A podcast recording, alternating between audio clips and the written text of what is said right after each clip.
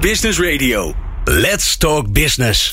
Met nu People Power met Glen van der Burg. People Power is een programma over de kracht van mensen in organisaties. Met interviews en laatste inzichten voor betere prestaties en gelukkige mensen. Deze week gaat Glen van der Burg in gesprek met. Ja, met een hele, hele, heleboel mensen. Want 2019 staat voor de deur. Is heel erg dichtbij. En de grote vraag is: wat gaat dit jaar ons brengen? People Power kijkt in onze 200ste feestelijke uitzending vooruit naar 2019 op het gebied van organiseren, werken, employer branding, veranderen en ontwikkelen in 2019. En in 200 minuten gaan we in gesprek met allemaal leuke experts. En in deze aflevering praten we met Wim Davidsen van Flexmarkt, onder meer. En uh, Lars Schotanus van de Radiofabriek. Veerle Strubbe komt langs van het Spaarne ziekenhuis. En professor Aukje Nauta is ook nog te gast. En mijn co-host is Pieter Jan de Bree. Pieter Jan de Bree. Wil jij nou de nieuwste afleveringen van People Power via WhatsApp? Sla ons nummer dan op onder je contactpersonen 06 45 66 7548 en stuur ons een berichtje met je naam en podcast aan. Dan sturen we weer de nieuwste afleveringen direct zodra ze online staan. Wat fijn dat je luistert naar de 200ste aflevering van People Power! People Power met Glen van den Burg. Ja, met allemaal leuke studiogasten. Uh, welkom allemaal. Lars, uh, bijzonder welkom natuurlijk. Uh, ja, het is een beetje gek om jou welkom te heten in je eigen studio. Wim Davidsen, leuk dat je er bent. En Piet? Ja. Ja, gezellig naast me. Leuk. Lars, ik wil bij jou beginnen, want jij hebt ook nog hele andere belangrijke dingen te doen. Ja, wat, wat wil je hè? met, ik zeg al drie radiostations, maar soms zijn het er vier, soms zijn het er vijf. Klopt. Hoeveel, op welke, hoe hoog staat de teller nu? Nu zitten we op 4 en we zitten per 1 januari op 5. Ja, nou, Maakt het spannend. Ja, hè? Ja. Het, het, zijn er nu vier door RTL Darts Radio. RTL Darts bij, ja.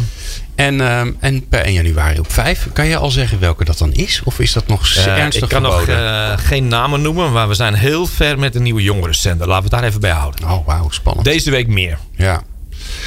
Lars, uh, ja, met jou ook even naar 2019 kijken. Vorig jaar, ik zag toevallig iets langskomen op, uh, op social media. Vorig jaar zei jij uh, dat 2018 het jaar van de podcast zou worden. Ja. Nou, daar is niks, niks van gelogen volgens mij. Nee, dat is achteraf makkelijk natuurlijk. Maar ja. het was inderdaad januari dat we ook gevraagd werden wat gaat 2018 brengen. En uh, toen hebben we geroepen 2018 wordt het jaar van de podcast. Nou, als je nu ziet wat er de afgelopen tijd gebeurd is. En uh, hoeveel podcasts of podcasten, ik weet niet eens hoe je het zegt, uh, erbij zijn gekomen. Ja, dat is, dat is geweldig. En er is gigantisch veel aanbod gekomen. En ja, dagelijks komen de podcasts erbij. Dus, ja, wordt er ook veel geluisterd? Nou, er wordt steeds meer geluisterd. Hè? En, en dat is natuurlijk ook waar we tien jaar geleden, toen we de eerste stappen zetten in online radiomarkt, was het toch wel de bedoeling dat wij erop mee zouden gaan. En dat we in zouden spelen op de verdere versnippering van het landschap. Hè? Ja. Dat, dat er steeds meer aanbod komt om te luisteren. Ja. Nou, daar zijn onze online radiostations een voorbeeld van. Maar met name de podcastmarkt heeft het landschap nog veel verder versnipperd. En krijg je in segmenten alles aangeboden wat je maar wil. Ja. Niche, niche, niche.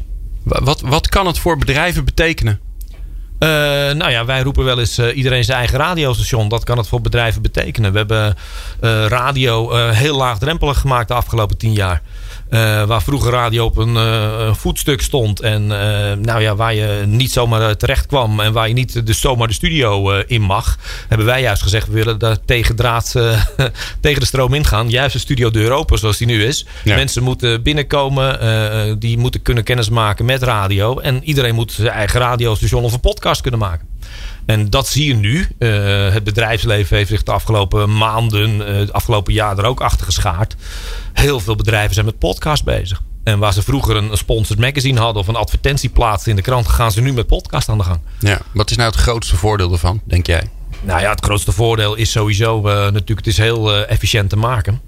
Uh, heel direct. We kunnen, nou ja, ik zit nu live in de uitzending. Weet je, voordat je ja. een blad gemaakt hebt, ben je weer eventjes verder. Daar moet je over nadenken. Dus we zijn heel snel.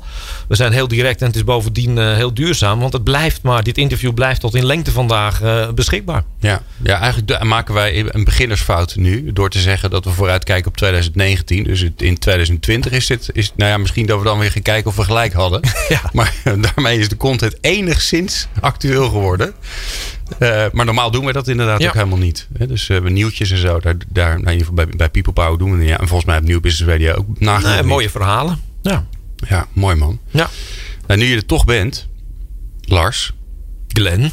Voel je voelt de spanning al stijgen. Nou, Vier jaar geleden, Lars, iets meer dan vier jaar geleden, ehm, eh, mocht ik bij jou uitproberen.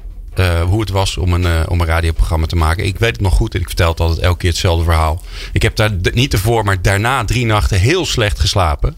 Omdat ik dacht, jeetje, dat kan niet waar zijn dat ik dit één keer mag doen en daarna nooit meer. Nou, dus gelukkig is dat niet gebeurd. Dus ik heb prima geslapen daarna. Want eh, ik zit hier voor de, voor de 200ste keer achter de microfoon. En nog wel wat vaker. Maar in ieder geval eh, voor People Power voor de 200ste aflevering. Dat was niet gebeurd als jij eh, het vertrouwen niet gehad, had, eh, gehad had dat het goed was gekomen. Dus ik wil je er ongelooflijk voor bedanken. door jou hier on spot te zetten. Normaal ben je natuurlijk altijd achter de schermen. Maar nu er even voor. Dus dankjewel uh, voor de samenwerking. Het gaat onwijs leuk. We doen heel veel leuke dingen samen. Dat weten de luisteraars misschien niet. Maar wij maken ook podcasts samen voor Ja, andere ja, ja. klanten. We hebben voor nu al een mooi project gedaan. Vandaag is er een mooi, uh, uh, mooie podcast live gegaan voor TNO. Working on Innovation. Waarin hun collega's eigenlijk vertellen over hun mooie werk. We geven hele leuke radioworkshops aan allerlei klanten. Om, ja, om ook iedereen maar te besmetten met dat virus. En wat mij betreft gaan we er nog zeker vier jaar mee door. Nou, kijk eens aan. Nou, dat is geheel wederzijds. Uh, heel mooi uh, dat je op ons pad bent gekomen. En uh, nou, je, we zei, ik zei het net eigenlijk, we wilden radio laagdrempelig maken. Nou, nou als, als, en als ik zelfs mag daarom, komen. Dus, ja, we, we, hebben echt het. ja, ja, de drempel heel laag. Heel laag daarom. En dat is gelukt. Dus nu voor iedereen een, een kans. Nou, welkom op je eigen feestje. 200ste People Power. Dat is een mooie mijlpaal voor ons als radiostation ook. En uh, we doen inderdaad hele leuke dingen samen. En ik denk dat we de komende 200 jaar nog veel meer uh, mooie dingen kunnen doen samen. Dus uh, veel plezier op je eigen feestje. Lijkt me een top idee. Dankjewel Lars. En, en jij bedankt dat we, je, dat we je huis mochten gebruiken voor dit, dit 200ste verjaardag. Heel graag gedaan. People Power met Glen van der Burg. Meer luisteren? people-power.nl nou, Terwijl wij een traantje wegpinken, is het toch ook tijd voor inhoud geworden. voor andere inhoud natuurlijk. Inhoud waar onze luisteraars op zitten te wachten. Niet alleen maar omdat podcasts zo geweldig voor iedereen zijn. Maar vooral ook omdat het gewoon heerlijk is om te luisteren naar, ja, naar informatie, naar kennis. Naar meningen over je vakgebied. En uh, ja, we hebben een hele leuke eerste, uh, tweede gast. Wim Davids is namelijk de gast. Hij is... Uh, uh, ja, hij is van alles en nog wat. Dat heb je steeds vaker tegenwoordig. Dat je lang bezig bent met je introductie. Hij is oprichter ja. van Jeng, als ik het goed, uh, als ik het goed uitspreek. Hij is uh, Flex en HR-stratege. En hij is ook nog hoofdredacteur van het blad Flexmarkt. Markt. En ja, de man om dan te kijken naar 2019. Naar wat er dan aankomt. Ja. Nou, nou Wim. Nou, de lat ligt onmiddellijk hoog. Ja. Net een lage drempel, maar nu een hele hoge lat. Ja, dat, uh, dat, gaan ja. we, dat verschil moeten we gelijk even ja. een beetje neerleggen. Ja, ik heb altijd een makkelijke taak. Ik, ik heb de simpele taak om de komende vijf uur gewoon aan mensen te vragen: Goh, wat denk jij dat, uh, dat er moet gebeuren in ja. 2019? Zo, wat, wat, wat voorzie je? Ik voorzie, nou het is heel, heel grappig. Ik zat net uh, in de auto hier naartoe uh, voor een stoplicht. En toen werd er verteld over de nieuwe economische vo voorspelling van de Nederlandse Bank. En die zegt, nou dit jaar komen we uit op 2,6% groei. Maar volgend jaar wordt het wat minder, 1,7%. En het jaar daarna ook 1,7%. Dus we hebben nog steeds groei. We hebben een fantastisch jaar bijna achter de rug. En er komen nu nog twee hele mooie jaren, maar iets minder mooi dan we gewend zijn. En mijn voorspelling is iets, iets minder positief. Oh. Ja. Ik denk dat we iedereen heeft op, op de middelbare school de conjunctuurcyclus leren kennen. Bijna iedereen die op zijn minst HAVO 4 achter de rug heeft, kent dat ding. En dat ding werkt ook echt zo. En we zitten nu, uh, heel veel signalen zeggen we zitten op de top van die golf op dit ja, ja. moment. Oh. Ja, ja. Uh, en niemand gelooft dat natuurlijk, want iedereen heeft moeite om personeel te vinden. Je kan uh, de functie niet bedenken of uh, de vacature staat open. Ja. super moeilijk voor werkgevers in het algemeen en werknemers in vaste dienst of in flexibele dienst. Die lachen zich helemaal gek, want voor jou tien vacatures en als dit me niet bevalt, dan ga ik morgen naar wat anders. Dus hele ja, wispelturige signalen eigenlijk. Hè. We denken dat het niet op kan. Uh, terwijl dit eigenlijk het moment is dat je moet denken: oké, okay, gaat het nu op? Ja, en ik kan me voorstellen dat mensen nog dat gevoel, omdat die, dat die vorige dip zo diep was, ja. dat ze het gevoel hebben van: ja, we zijn er net uit, jongens, ja. kom op, hé, weet je? Ja, nou, ik denk zelfs dat er heel veel mensen zijn die denken: dip? Welke dip heb je het over? Wij, wij mens, wij vergeten heel snel wat de pijn deed. We leven vooral toch in het moment. wat we gisteren voelden, dat, dat is voor ons de eeuwigheid. En ik denk dat de meeste mensen eigenlijk al wel dat stukje grote recessie van 2009 tot en met 2013 zo ongeveer zijn vergeten. En terecht, want we hebben al vijf hele mooie tijden achter de rug. En het is in principe gewoon op dit moment feest. Maar Wim, wat zie je dan? Wat zie jij dan dat jij zegt, ik zie iets heel anders dan wat de meeste mensen zien of wat er wordt uh, voorspeld? Ja, nou, ik, uh, uh, ik schaam me graag achter een uitspraak van de, van de goede oude Winston Churchill, die ooit zei: hoe verder je terug kan kijken, hoe verder je vooruit kan kijken. Hm. ik loop nu. Uh, twee decennia mee in uh, met name de flexmarkt. In het, in het bijzonder en dan iets breder de arbeidsmarkt. Wat gebeurt er allemaal op arbeidsmarktland. En dan zie ik hele herkenbare dingen. 2018, in termen van arbeidsmarkt, mag je dat, dat dit jaar labelen als het jaar van de krapte. De grote krapte. Meer dan een kwart van de werkgevers heeft grote moeite om personeel te vinden. Zelfs zoveel moeite dat ze niet aan de commerciële vraag kunnen voldoen. dus ze moeten kansen laten liggen. Het is de derde keer in, in twee decennia dat dat gebeurt. De eerste keer was uh, eh, 99 tot en met 2001. Dan zie je een hele krappe arbeidsmarkt ontstaan. Dan wordt er van alles ineens toch duurder. Dus de lonen gaan nu wel omhoog. Straks gaat de inflatie waarschijnlijk ook omhoog. Uh, en dat voelt allemaal heel feestelijk en heel goed. Uh, maar, maar dan gaat er ook iets fout. Iemand heeft te veel geleend, kan dat niet meer aflossen. Zijn groeiplan was 10%, dat kan nog 2% worden. En steeds meer vallen er domino-steentjes om. En dat gebeurde vervolgens ook. En in 2006 kwam er weer zo'n oververhitting op gang. 2007, 2008, dat kon niet op. En toen was het ineens heel erg op. Hè? Jij refereerde net al, Glenn, mm. aan die hele diepe val. Dat was natuurlijk uitzonderlijk, maar uh, gewoon een, een, stagnatie, een afkoeling, een uh, stabilisatie van de economie is, is wat er nu ergens de komende drie, vier kwartalen op gang zou kunnen gaan komen. En dat is ook het scenario dat ik mijn klanten en mijn toehoorders, als ik voor een groep sta, heb ik het hierover. Een gewaarschuwd ondernemer telt voor twee.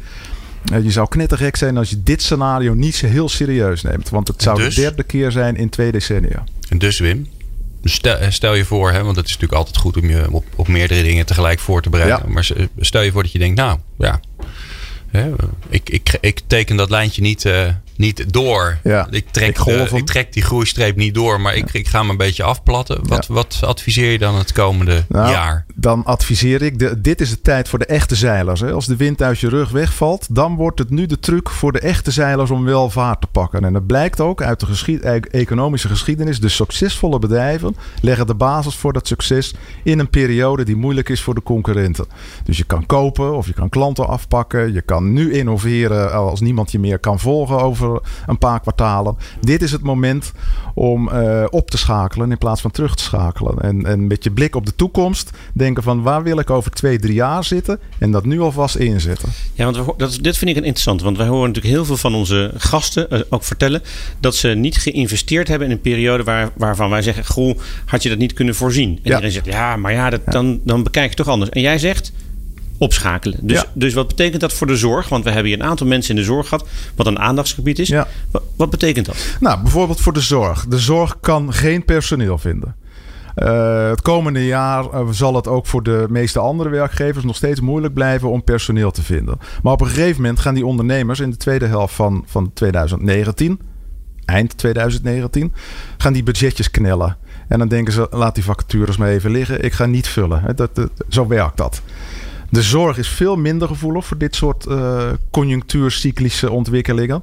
En wat doet de zorg tot nog toe?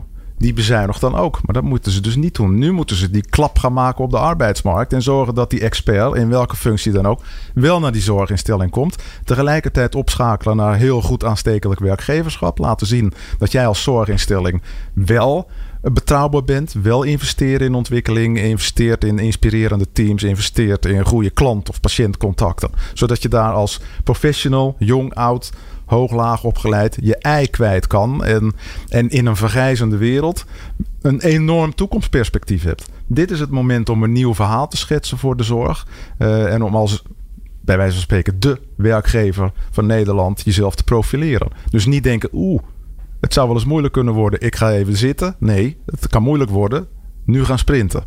Ja, en aan de andere kant is het natuurlijk zo dat ehm, alle, alle organisaties die die lijn wel doortrekken, die denken nu ineens: oh jeetje, uh, krapte. Ik ga nu, uh, als, er, als er geïnvesteerd wordt in employer branding, in, in goed werkgeverschap, dan is het nu wel. Hè? Iedereen Ja. wil ineens de beste werkgever worden. Ja, Ja. dank je de koekoek. Ja. Eh, ik denk dan, nou, had je een paar jaar moeten Ja. bedenken. Op het moment dat nog niemand ermee bezig was. Maar, maar zeg je dan toch ook 2019 daarin investeren? Zeker. Want jij verwacht dus dat de partijen die dat niet, hè, die, die het niet zien, die gaan afhaken. Ja, absoluut. En, en zeker als dan de wind in de rug, de economische wind in de rug gaat liggen, dan gaan zij ook liggen. En dat moet je niet doen. Dan moet je doorpakken. Dan kun je enorm je, je, je voorsprong vergroten.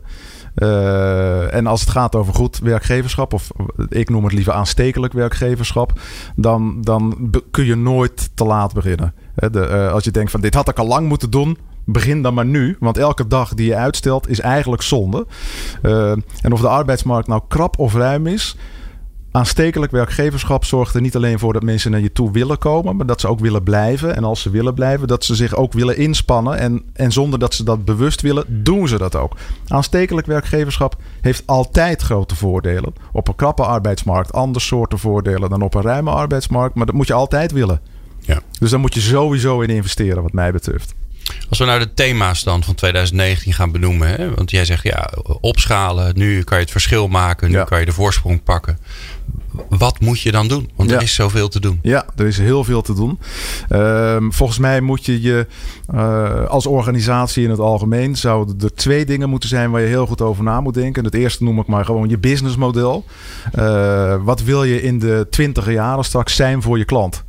En, en met de toenemende digitalisering en andere nieuwe technologieën moet je er echt heel goed over nadenken. Wat je wilt doen, wat je wilt zijn voor je klant. Eh, eh, en vervolgens hoe je dat intern zo goed mogelijk moet inrichten.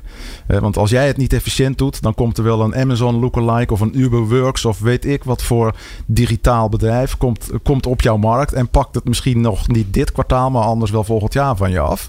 Of zet in ieder geval je marge onder druk. Dus dat is eerste dimensie. Je businessmodel moet echt op orde komen. Future-proof worden. En de tweede dimensie is, ja, je moet het wel met de mensen doen die dat aan kunnen en aan willen. Dus je moet, eh, die mensen moeten de goede competenties en het goede ge- gedrag vertonen. En jij als werkgever moet dat faciliteren. Je moet, dat, eh, je moet ze de vibes bezorgen. Je moet ze energie geven. Ehm, en dat wordt belangrijker en moeilijker dan dat dat ooit is geweest volgens mij. Want die krappe arbeidsmarkt die houden we. In een vergrijzende wereld wordt die markt vanzelf krap. We krijgen enorme kwaliteitsdiscrepanties op de arbeidsmarkt. Ehm, dus de uitdaging wordt nog groter dan dat we al dachten dat die was. Ja, je noemde even het woord energie. Dat vinden wij een fijn woord hier Ja. bij People Power. Dat snap Ja. je wel. Ja. Ehm, ehm, daar kun je natuurlijk van alles en nog wat aan doen. Hè? Als je zeg maar kijkt naar, het, eh, naar, naar de mens in de organisatie, dan valt er van alles en nog wat te doen. Ja. Waar zou je beginnen in 2019? Wat Ja. zou jij hoog aan de, nou ja, aan de CEO's agenda, en, en als hij het niet belangrijk genoeg vindt, wat natuurlijk altijd een domme, domme keuze is, maar stel je voor dat hij het niet genoeg vindt, Ja. wat zou je hoog aan de HR-agenda zetten? Ik vind eh, het allerbelangrijkste waar een goed bedrijf op draait, is een echte, echte missie. Dus niet een verhaaltje, een kletsverhaaltje van de Raad van Bestuur, maar echt een gevoelde, geleefde, samengeleefde missie. Waar gaan we voor met dit bedrijf en wat draag ik met mijn team daaraan bij? En dat moet ik elke dag kunnen voelen. En elke dag hebben we bij wijze van spreken bij het ochtendkoffieoverleg eventjes... wat hebben we gisteren goed gedaan? Wat, wat moesten we laten liggen? Wat gaan we vandaag doen? Maar altijd vanuit, vanuit dat zonnetje van de missie. Eh, ik ben op dit moment ook weer met een groot project bezig bij een klant... waar ik inhoudelijk vrij weinig verstand van heb. Maar het gaat erom, hoe trekken we die missie nou scherp? En wat kunnen, hoe kunnen we dat elke dag aanpakken? Hoe kunnen we de expertise en het potentieel van de mannen en vrouwen die dat moeten doen benutten? Dus dat, dat is het allerbelangrijkste. Ja, Sturen dat, vanuit dat hoor je natuurlijk heel veel. Hè? De Ja. purpose of why. En Ja. daar word je mee doodgeknuppeld tegenwoordig. Ehm, hoe krijg je dat nou echt scherp? Want als je, hè, mo- moet je voor de gein eens doen. Hè?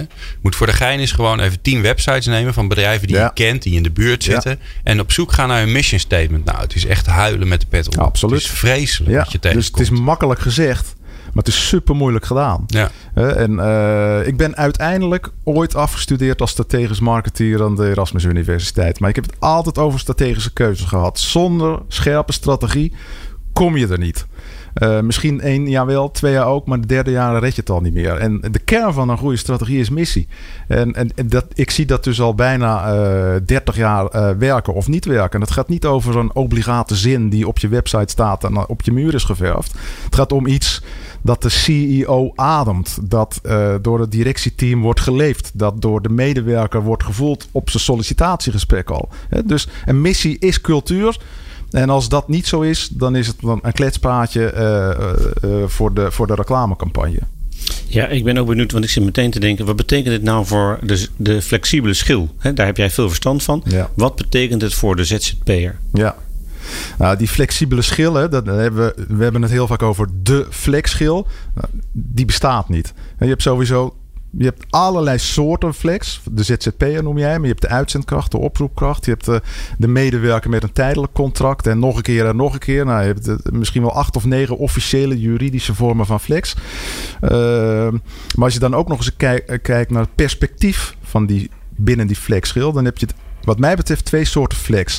Je hebt flex by force. Dat zijn de mensen op de arbeidsmarkt die op een plek zitten waarvan je eigenlijk al uit kan rekenen dat die bij wijze van spreken op 10 november 2022 niet meer bestaat. Want dan is er een nieuwe technologie gekomen en die heeft jouw plek afgepakt. En er is flex by choice. En dat zijn heel vaak ZZP'ers, goed opgeleide mannen en vrouwen. Eigenlijk nog heel vaak boven de 40 jaar oud. Die gewoon doen wat ze leuk vinden, waar ze goed in zijn en waar ze voor betaald worden. En waar ze uh, ja, zelf voor hebben gekozen. Uh, en in de allerkrapste sector op dit moment, de, de, de ICT-sector, uh, daar zie je dat er eigenlijk maar twee smaken zijn. Je hebt of een mooi vast contract, waar je alles krijgt van je werkgever wat je hartje maar belieft. Of je bent ZZP'er omdat dat de manier is om jouw ding te doen.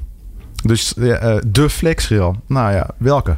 Nou die hele mooie of diegene waar je in wordt geduwd omdat werkgevers denken: ik ga afbouwen. Ja, en ik was benieuwd waar, uh, als ik dit luister en ik ben zelfstandig, wat, uh, waar, waar moet ik me dan in ontwikkelen? Hè? Ja. Waar, wat is dan de vraag waar ik uh, op in moet spelen? Ja, ja.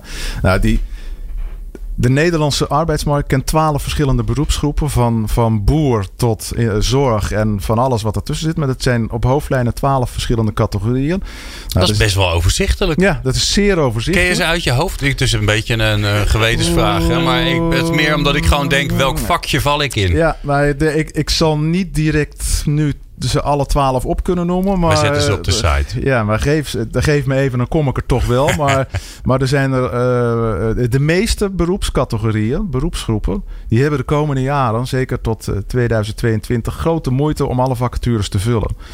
Uh, dus bijvoorbeeld in de, de financieel-economische hoek. Dat is de grootste categorie. Daar werken 1,6 miljoen Nederlanders.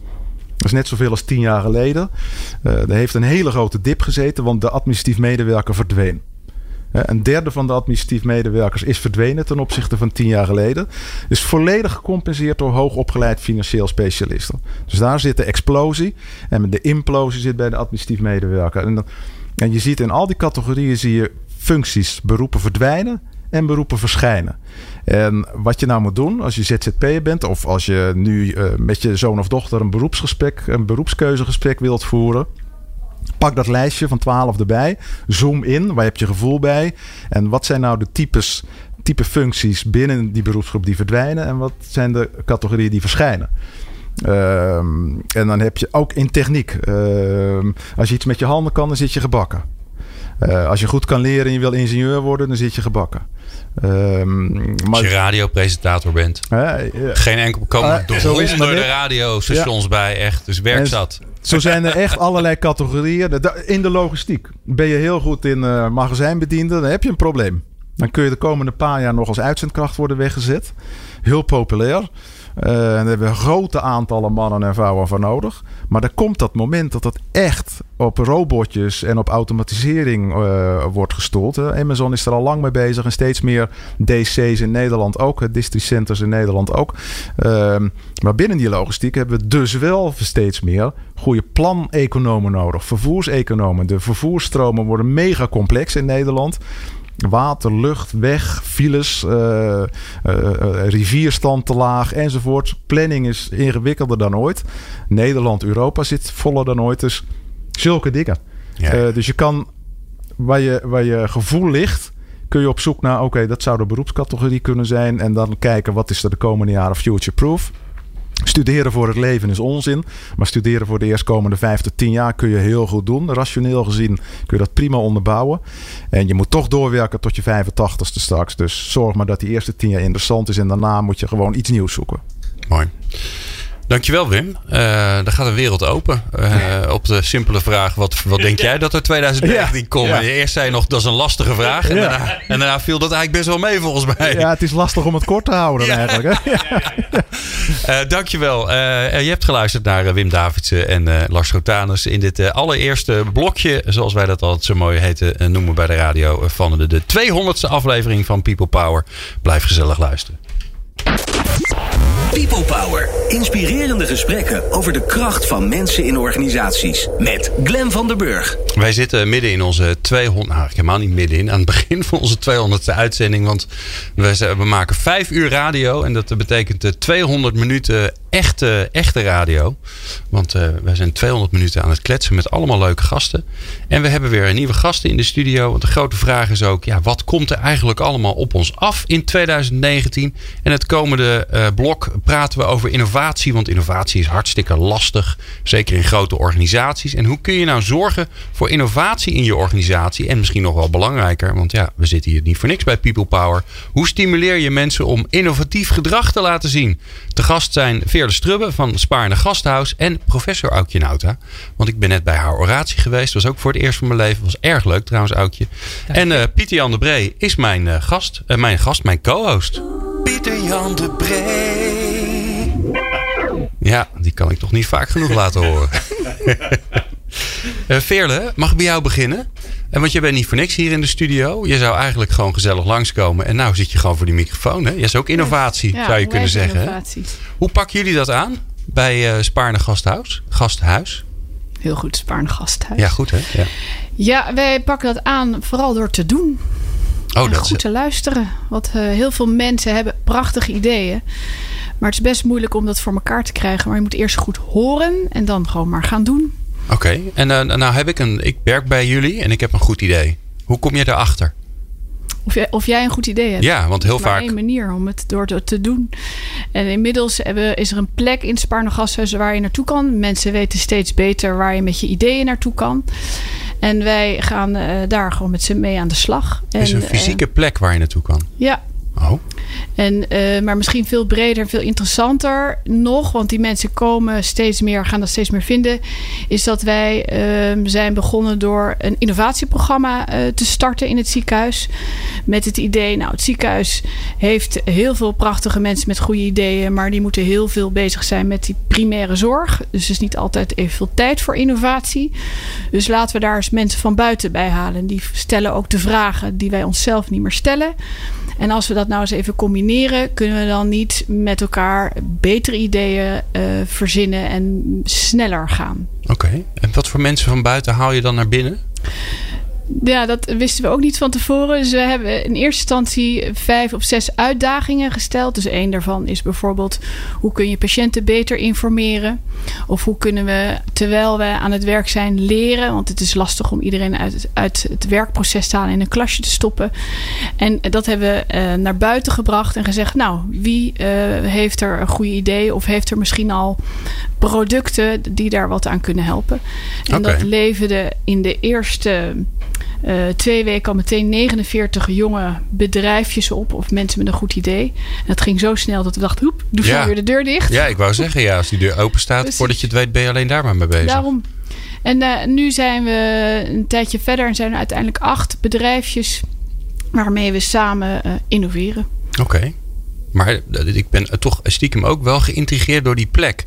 Want wat ik vaak tegenkom, maar daar ben ik ook wel benieuwd naar hoe Aukje wat jij tegenkomt bij al die organisaties waar je werkt, is dat mensen misschien wel goede ideeën hebben, maar dat ze er heel vaak niet eens mee komen. Dat ze ze gewoon bij zich houden omdat ze denken, ja, niemand zit op mij te wachten of uh, is dat, is dat ja. een goede aanname van mij, mevrouw de nou, hoogleraar? Je, je, moet er wel wat voor organiseren. me niet uitlachen. Nee, ik lach nee. je toe. je moet er uh, wat voor organiseren. Uh, dus het, het gaat niet vanzelf. En dan is het inderdaad belangrijk om een combinatie te doen van fysiek en digitaal. En een organisatie die dat bijvoorbeeld slim doet is uh, Rijkswaterstaat. Die hebben speciaal een soort van ideeëncoöperatie opgericht. En dus dat betekent um, dat, dat je ook digitaal je idee kan indienen. Maar ook dat ze af en toe uh, daar meetings voor organiseren. Um, ja, zodat mensen echt ook uh, elkaar zien. En wat natuurlijk ook belangrijk is, is degene die een idee indient uh, is niet onmiddellijk ook degene die het kan uitvoeren. En dus dat, dat hebben ze nu ook ontdekt bij Rijkswaterstaat. je hebt ideeën, uh, ja, exploratie en exploitatie. En dat zijn twee verschillende dingen. Um, uh, dus ja, vaak, ze hebben dus ook expliciet ervoor gezorgd dat er adopters zijn. Hè? Mensen die gewoon een idee kunnen adopteren en het vervolgens uitvoeren. Ja. Um, dus dat soort dingen moet je eigenlijk allemaal realiseren. Het gaat niet vanzelf, je moet er wat voor organiseren. En bij Rijkswaterstaat benut men dat ook om op die manier een soort van cultuurverandering te creëren. Hè? Dus dat mensen niet meer zich belemmerd of, uh, of alleen maar gestimuleerd voelen door regels en procedures. Um, maar dat er een vanzelfsprekende cultuur is waarin mensen innovatief werkgedrag gaan vertonen. Oké, okay, wauw. Uh, Veerle, ja, die, jullie hebben dat uh, gedaan. Jullie hebben dus een, een fysieke plek gecreëerd. Wat, wat gebeurt daar? Wat, neem ons eens mee. Visualiseer eens even waar ik ben. Het is en en. Oh, de plek waar je komt is. Uh, ja, eigenlijk iedereen die er binnenkomt denkt: huh? Heb je dat ook in het ziekenhuis? Want er hangen plantjes en het is daar knus en gezellig. En uh, het is steeds meer vindbaar, omdat mensen ervan horen: goh, als je een idee hebt, moet je daar eens eventjes gaan praten. En um, het mooie is wat Aukje eigenlijk ook zegt. Hè, je hebt, je er zijn veel ideeën, maar vaak weten mensen eigenlijk niet wat ze met dat idee moeten. Of ze denken, nou, uh, moet dat wel zeggen. Dus waar we ook heel erg aan werken is dat er mensen zijn die iets nog meer tijd hebben voor innovatie. En die een beetje op zoek gaan naar die ideeën. En dat je dat, uh, die ideeën eigenlijk verzamelt en kijkt van nou, hoe kunnen we dat dan sneller helpen? Omdat mensen natuurlijk alleen maar aan dat bed staan en heel erg druk bezig zijn. Maar tegelijkertijd zijn dat je ogen en je oren uh, om te kijken wat kan er nou eigenlijk beter. En die mensen. Een soort ideeën-scouts zijn dat. Ja, eigenlijk wel. Ja. Oh, wat grappig. Ja. En, en, en hoe heet dat dan bij jullie? Want die denk ik, ja, ik kan me heel goed voorstellen dat dat gebeurt. Maar, maar wie, wie zijn dat dan? Nou, we zijn aan het begin van dit uh, bevorderen van een innovatief uh, denken. Dus ja. is een manier van denken en doen wat mij betreft. Maar dat zijn bijvoorbeeld verpleegkundigen die bijzonder interesse hebben in innoveren. Of uh, dat kunnen ook specialisten zijn of hele andere mensen. Als zolang ze maar uh, ja, een idee hebben en heel erg betrokken zijn. En uh, vooral in het, uh, de early adopters. Die, die mensen zijn eigenlijk de mensen die zoeken van wat, wat is er nog en meer. En dus van alles nog wat. Dus het is niet zo dat de afdeling HR op zoek gaat. Nee, het is echt bij voorkeur juist van alles en nog wat. Yeah. Dat maakt het juist zo mooi. En melden die mensen zich vanzelf aan? Of ga je echt op zoek naar die uh, innovatieve verpleegkundigen? Nou, er zit een stukje voorverhaal. We hadden eerst echt een plek waar je het kon aanmelden. Maar dan ontdek je ook dat mensen nog moeten een beetje leren wat innoveren is. He, want er komt de vraag binnen van we willen graag daglichten, licht, daglichten op de afdeling psychiatrie. Kunnen jullie dat even regelen? Dus je moet mensen ook weer meenemen wat is uh, innovatie en wat is niet innovatie. Maar dat begint zich nu... Uh, begint, een, ja, begint zich te ontwikkelen. Dus ja. het is niet van de een op de andere dag. En we zijn er ook lang nog niet. Maar we werken enerzijds aan dat denken en doen.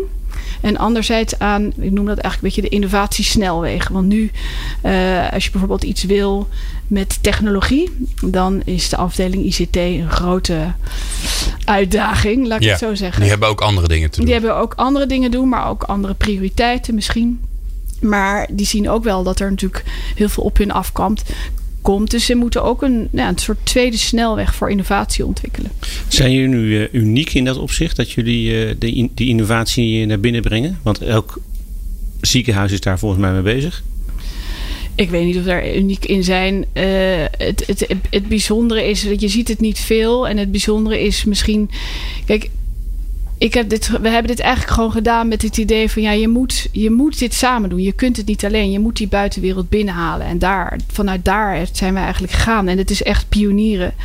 Want er zijn allemaal hobbels en bobbels die we moeten nemen. Maar daardoor ontwikkel je dus uh, die snelwegen voor innovatie. Ontwikkel je of zet je steeds meer mensen aan van oh, als je een idee hebt, is er een plek waar je naartoe kan en ze kunnen ze je helpen dat verder uit te Ik vind het wel mooi wat je zegt van dat je echt een fysieke plek hebt gecreëerd waar het heel knus is. Dus dan stel ik me onmiddellijk voor allemaal banken en mensen kunnen hun hond meenemen. Nou, dat een beetje lastig voor mij, in het ziekenhuis. Van, van het ziekenhuis dat, misschien niet, maar ons wel. maar dat doet mij uh, denken ook aan, uh, ja, dat is ook een podcast hè, van Adam Grant. Misschien heb ik dat wel eens eerder verteld. En dus die heeft ook echt onderzoek gedaan naar van, goh, wanneer is er echt werkenergie in een team?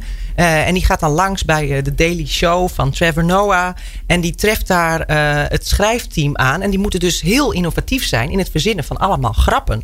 En die hebben dus ook een, een context gecreëerd ja, die een beetje huiskamerachtig is. Met banken en mensen zitten op de grond en ze buitelen over elkaar We worden heen. nu al samen blij ideeën. hiervan. Hè? Ja, dus daar word je gewoon heel blij van.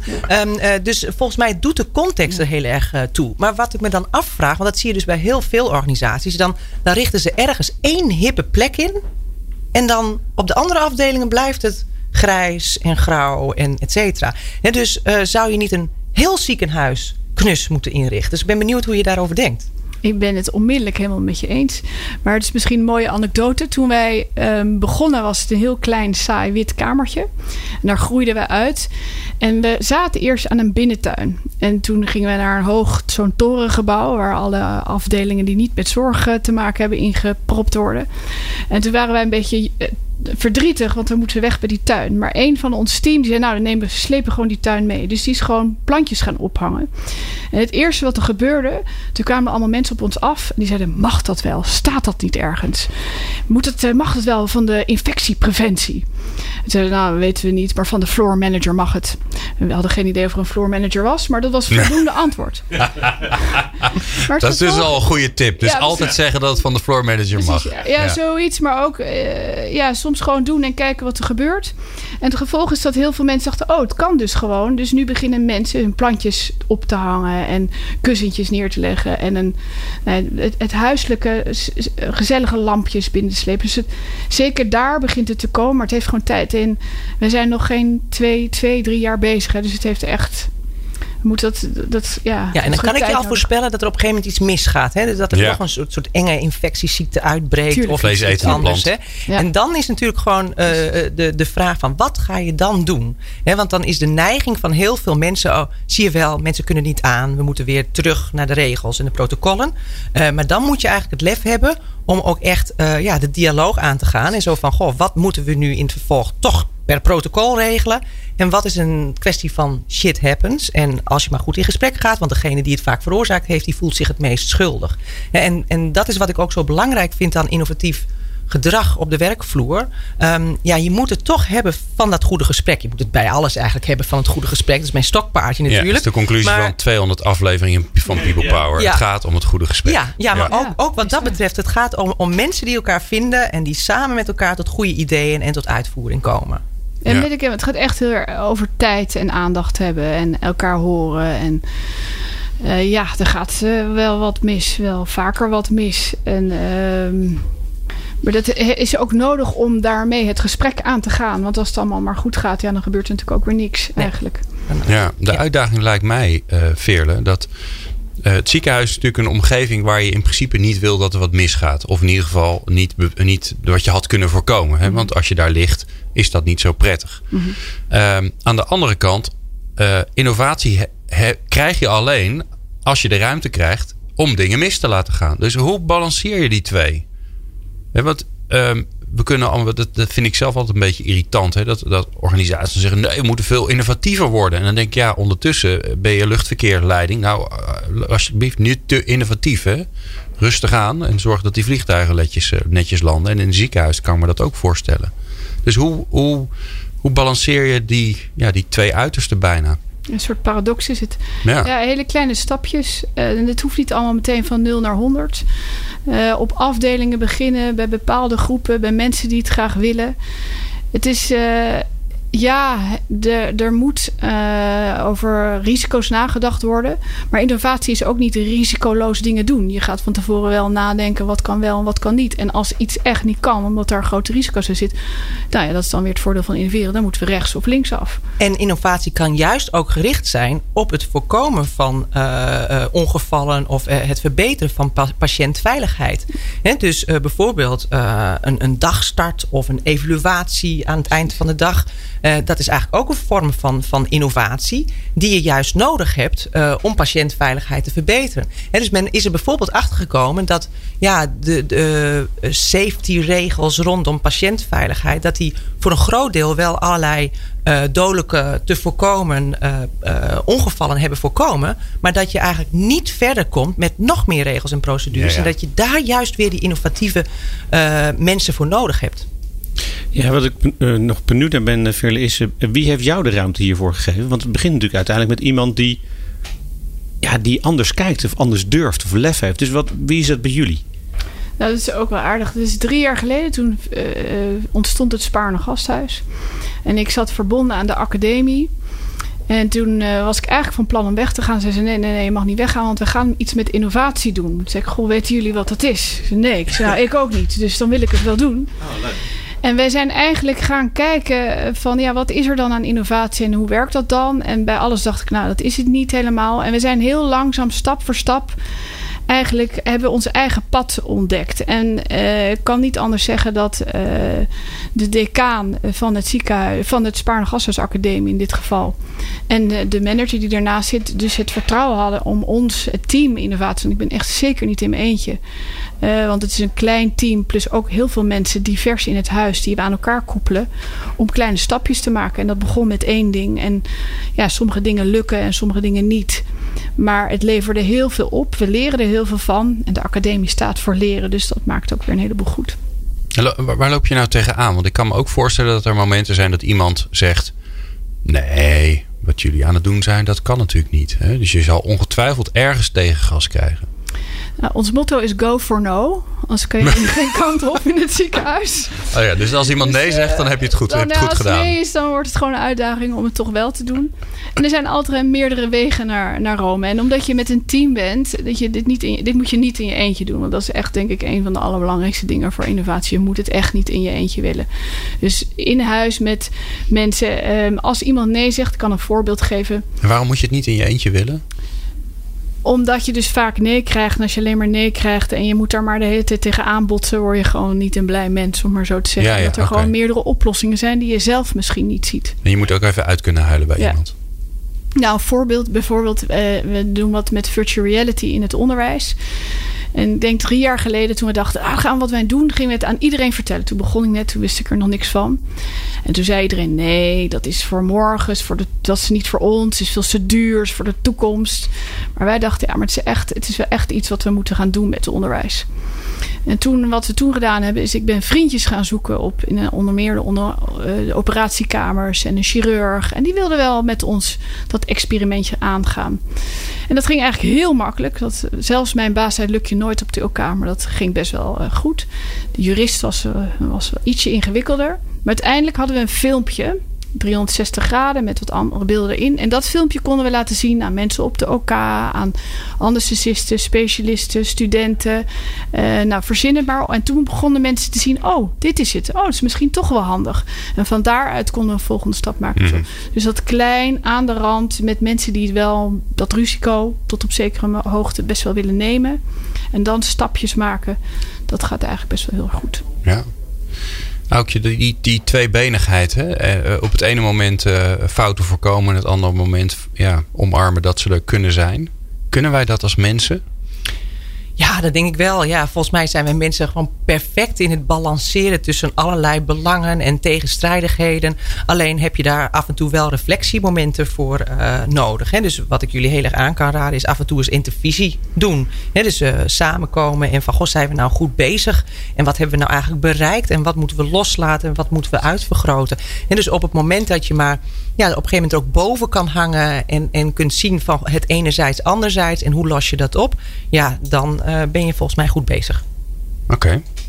Het Mooi. is echt een kwestie van innoveren is echt heel erg leren en reflecteren. En wat ging goed, wat ging niet goed, wat kan de volgende keer beter. Ja, ja in mijn vakgebied hebben we het ook heel vaak over een soort van uh, actieonderzoek. Dus dat is dat je continu cycli doorloopt van goh, wat is er nou aan de hand? We hebben een probleem. Want innovatie, ja, je gaat niet zomaar innoveren. Innoveren doe je om een probleem op te lossen. Ja. Uh, vervolgens probeer je dingen uit en dan reflecteer je van goh, heb je nou eigenlijk gehaald wat je, wat je wilde halen? En van continu die cycli doorlopen krijg je een steeds beter ziekenhuis, lijkt mij. Ja. Dames, nu staan wij voor, uh, vlak voor 2019. Uh, dus datgene wat wij maken is, is zeker een jaar houdbaar. Um, jullie hebben een potentieel miljardenpubliek. Hè, want iedereen met internet kan ons horen. Dus um, ik heb een, een belangrijke laatste vraag. Als wij nou kijken naar 2019 en we weten allemaal dat we moeten blijven innoveren. Wat zou je mensen als uh, advies willen geven en je mag niet zeggen gewoon doen? Want die hebben we al gehad. Balen hè? ja, ik doe dit al een tijdje. Dat is de meest gehoorde tip overigens ook in 200 afleveringen. Gewoon doen. Dus die, die hebben we alvast. Ga het vooral ook laten als het eigenlijk gewoon niet eens nodig is. Waarom zou je altijd moeten innoveren? Volgens mij ga jij te lang om met iemand die hier omdenken heeft bedacht. Gewoon laten, ja. ja. Dus dingen niet meer doen. Ja. Oké. Ja. ja. ga eerst eens waarnemen. Dat is in de matrix van omdenken eigenlijk de belangrijkste categorie. Een probleem is eigenlijk altijd een tegenstelling tussen een feit en een verwachting. En daar gewoon naar kijken. Zo van, goh, we verwachten eigenlijk wat anders dan de werkelijkheid is. Is een hele belangrijke vaardigheid voordat je als een kip zonder kop gaat innoveren. Oké, waarnemen. Alright. Ja, mooi. Ja, en als je goed hebt waargenomen, het niet in je eentje proberen op te lossen. Maar ga eens even om je heen kijken wat er allemaal nog meer is. En haal er eens mensen bij die helemaal niet in hetzelfde proces zitten. Of die begin eenvoudig een andere afdeling. Bij ons in dit geval is al heel ver weg. Maar ook buiten het Spaarne gas zijn natuurlijk ook allemaal prachtige dingen. En als je dat combineert, dan kom je een stuk verder. Mooi. Ik vond het weer prachtig. Piet, jij ook? Ja, maar ja. ja. Ik moet zo denken aan het boek um, um, van uh, Jaworski over uh, synchronicity. Had ik niet. Waar die eigenlijk ook vertelt dat uh, scenario planning, de, groep scenario planning bij Shell waren ook allemaal mensen van allemaal verschillende disciplines. Die juist allemaal een andere kijk van, manier van kijken met zich meebrachten. Dus daar moet ik heel erg aan denken als je dat zo zegt. Je moet andere mensen binnenhalen. Dus dat vond ik uh, ja, inspirerend. Ja. Nou, dan heb ik toch nog een laatste tip. Hè, wat volgens mij heel erg helpt, is dat je daar, dat ook af en toe organiseert. Hè. Een lunch waarbij één iemand een vraagstuk heeft. Iedereen krijgt gratis een broodje uh, krijgen. Is van verschillende disciplines. Met z'n twintig een brainstormen. En uh, jij bent weer een stuk verder. Ja. En dat zouden organisaties veel meer kunnen en moeten doen. Ja. Dus dat is dan toch doen. Belangrijke tip, ja. ja en die, die tip zal ik nog uitbreiden voor alle luisterende facilitair managers. Er een werkvormpje bij. Ja, ja, bel Aukje voor een werkvorm. Of, of ons. Of, maakt er niet zoveel uit. Ja, nee, maar die is wel grappig. Die kom ik ook altijd heel vaak tegen. Als er broodjes zijn, dan komt iemand. Maar ja, helaas, het lunchbudget is op. Einde innovatie in een organisatie. Maar ze halen dan wel consultants binnen om ze te helpen. Ik zou zeggen, hè, koop wat meer broodjes. Dat maakt het heel erg makkelijk. Um, dames, dank jullie wel. Bijzonder leuk dat jullie er waren. Veerde Strubbe van Spaarne Gasthuis. En natuurlijk uh, ja, onze, onze vaste columnist... Aukje Nauta, die zelfs, dat vind ik wel echt super lief, Aukje. Je gaat uh, enigszins met sabbatical, hè? Of eigenlijk heel erg met sabbatical. Pas per 1 april, hè? Per 1 april, maar je blijft bij ons gewoon gezellig de column doen. Fijn dat jullie er waren. En natuurlijk Piet. Fijn voor het eerste uur uh, uh, co-hostmanship. En we, we, we, horen je straks weer terug. Uh, blijf vooral luisteren, want wij gaan natuurlijk gewoon gezellig verder. Of meer programma's? people-power.nl